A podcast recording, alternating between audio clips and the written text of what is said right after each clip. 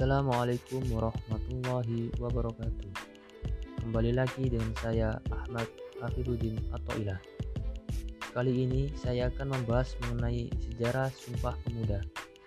Sumpah Pemuda terjadi pada tanggal 28 Oktober 1928. Sumpah Pemuda merupakan suatu ikrar pemuda-pemudi Indonesia yang mengaku bertumpah dari satu tanah Indonesia, mengaku berbangsa satu bangsa Indonesia, dan menjunjung bahasa persatuan bahasa Indonesia.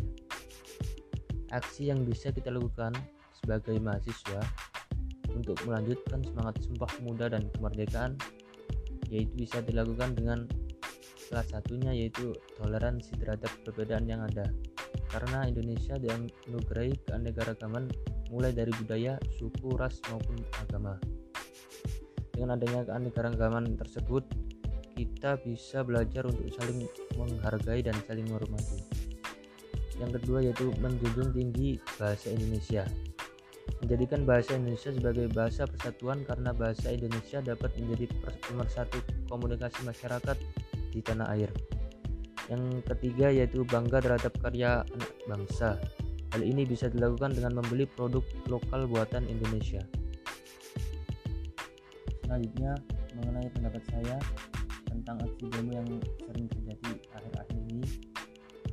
Kita sebagai mahasiswa dan sekaligus warga negara Indonesia memiliki hak untuk menyampaikan aspirasinya dengan tetap mematuhi norma-norma yang ada.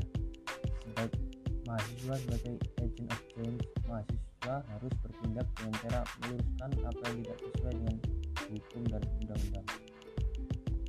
Mahasiswa juga berhak menyalurkan aspirasi rakyat dengan diskusi pada pihak hukum agar HAM di Indonesia ditegakkan dengan adil karena HAM tidak dimiliki manusia sejak lahir. Terima kasih itu yang dapat saya sampaikan. Yang lebihnya mohon maaf. Assalamualaikum warahmatullahi wabarakatuh.